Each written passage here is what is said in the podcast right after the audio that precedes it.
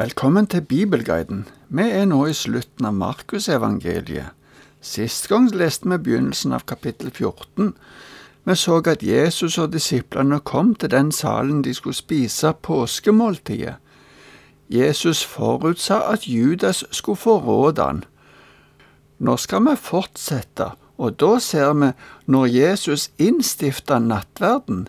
Vi skal nå lese ifra vers 22 til 25 i kapittel 14 hos Markus.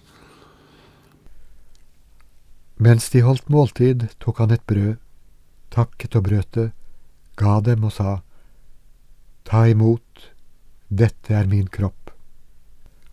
Og han tok et beger, takket, ga dem, og de drakk alle av det.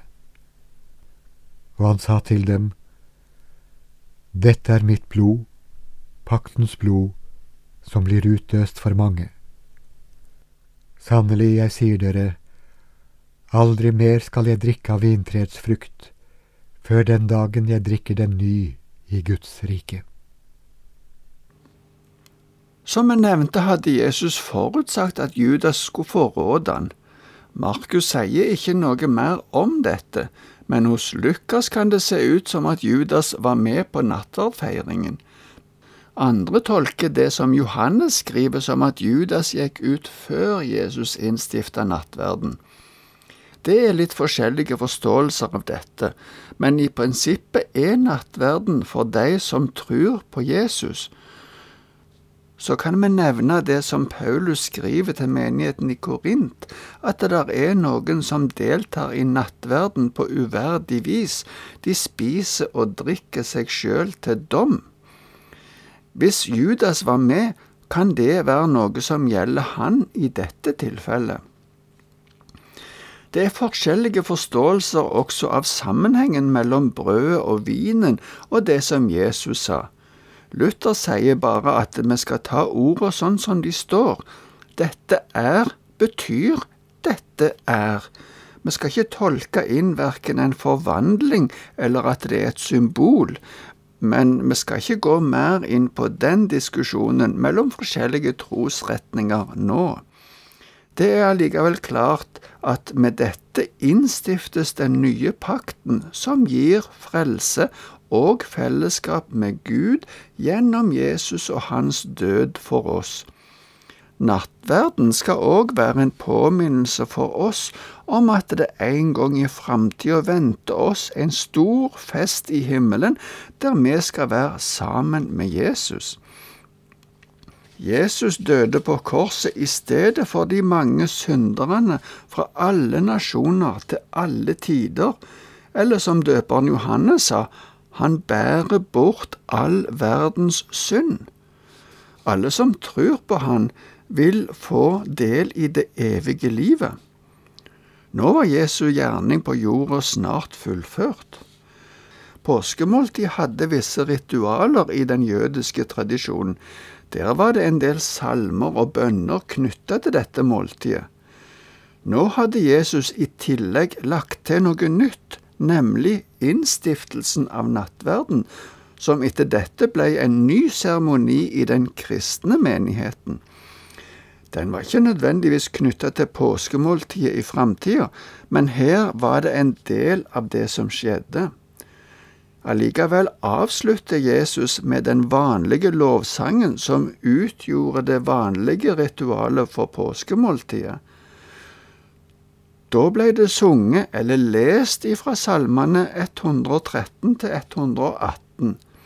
Etter at de hadde sunget denne salmen, ser vi av fortsettelsen at de gikk ut imot Oljeberget. Vi skal lese videre nå ifra vers 26 til 31. Da de hadde sunget lovsangen, gikk de ut mot Oljeberget. Jesus sa til dem, Dere kommer alle til å falle fra og vende dere bort fra meg, for det står skrevet, jeg skal slå gjeteren, og sauene skal bli spredt. Men etter at jeg er stått opp, skal jeg gå i forveien for dere til Galilea. Da sa Peter, Om så alle vender seg bort fra deg, jeg gjør det ikke. Jesus svarte, Sannelig, jeg sier deg, nå i natt, før hanen galer to ganger, skal du fornekte meg tre ganger. Men Peter forsikret, Om jeg så må dø med deg, vil jeg ikke fornekte deg. Det samme sa de alle. Som nevnt inneholdt denne lovsangen salmene fra 113 til 118. I den siste av disse salmene står det blant annet Jeg skal ikke dø, men leve og fortelle om Herrens gjerninger.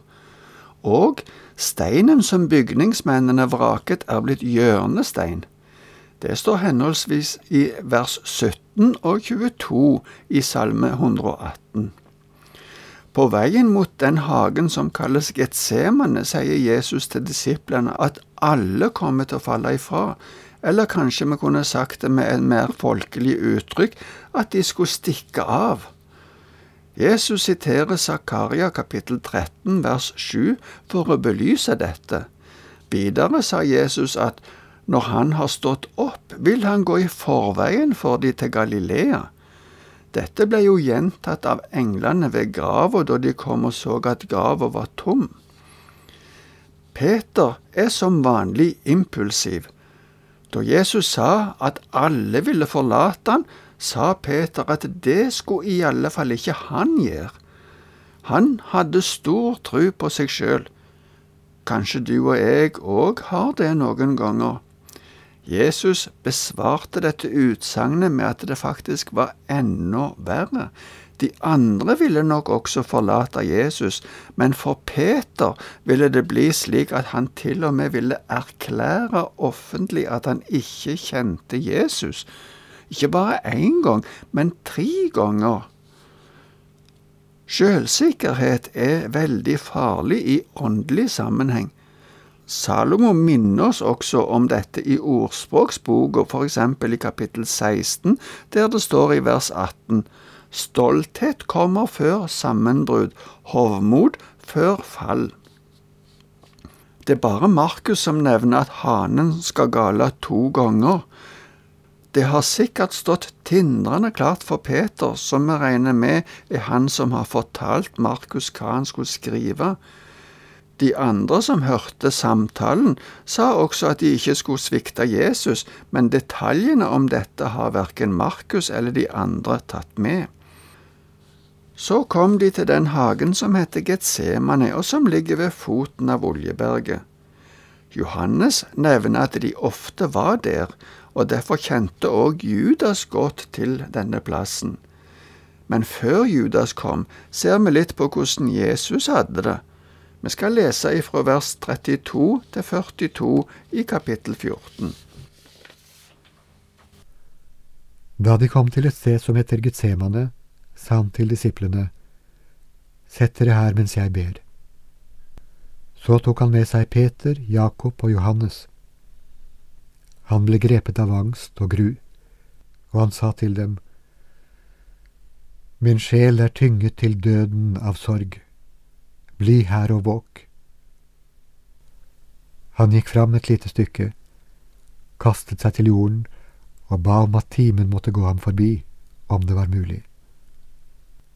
Han sa, Abba, far, alt er mulig for deg, ta dette begeret fra meg, men ikke som jeg vil, bare som du vil. Da han kom tilbake og fant dem sovende, sa han til Peter.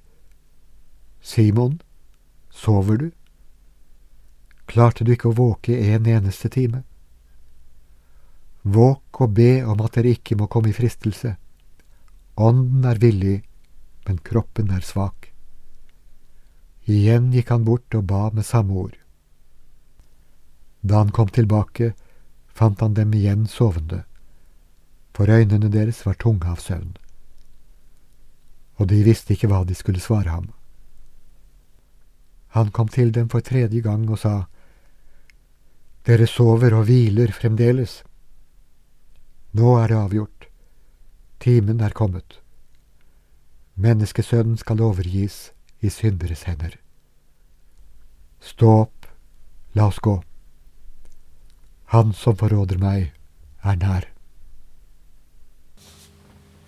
Som vi har sett før, brukte Jesus mye tid til å be. Jesus visste hva som skulle skje, og han kjente på frykt og angst for det. Han visste det ville bli smertefullt og vanskelig. Først sa Jesus til alle disiplene utenom Peter, Jakob og Johannes at de skulle sette seg ned en plass, mens han gikk litt lenger inn og ba. De tre disiplene som jeg nevnte, ble med litt lenger inn, og der erklærte Jesus til dem at han hadde det vanskelig. Han visste at han snart skulle dø, og det førte til at han kjente på angst og sorg. Selv om ikke det står nevnt før Jesus gikk ifra de siste tre disiplene at de skulle våke og be, har han sikkert sagt det også da. Det som Jesus sier etter at han hadde vært i bønn ei stund, og finner disiplene sovende, kan tyde på at det er en påminning om noe han hadde sagt til de før. Det er flott å se at sjøl om Jesus visste om all den smerten som det ville medføre, og at han grua seg veldig for det som skulle skje, så ser vi at han er villig. I en sang så synger vi det var en som var villig å dø i mitt sted for at jeg skulle leve ved ham. Jesus ba om at begeret skulle tas ifra han.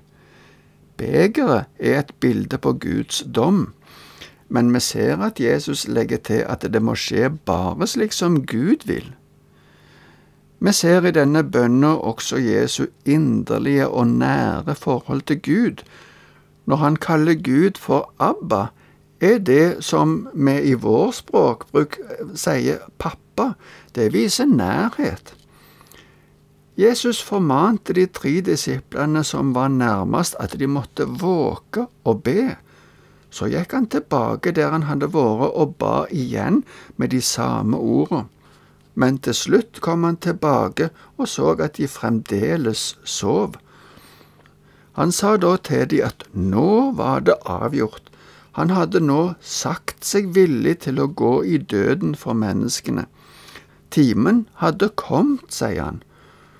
Så sa han at de skulle gjøre seg klar for å gå, for nå var han nær han som skulle forråde han. I fortsettelsen ser vi at Judas hadde fått med seg noen soldater, og nå kom de for å arrestere Jesus. Men det må vi vente med til neste gang. Takk for i dag, og velkommen igjen neste gang for å se hvordan dette går.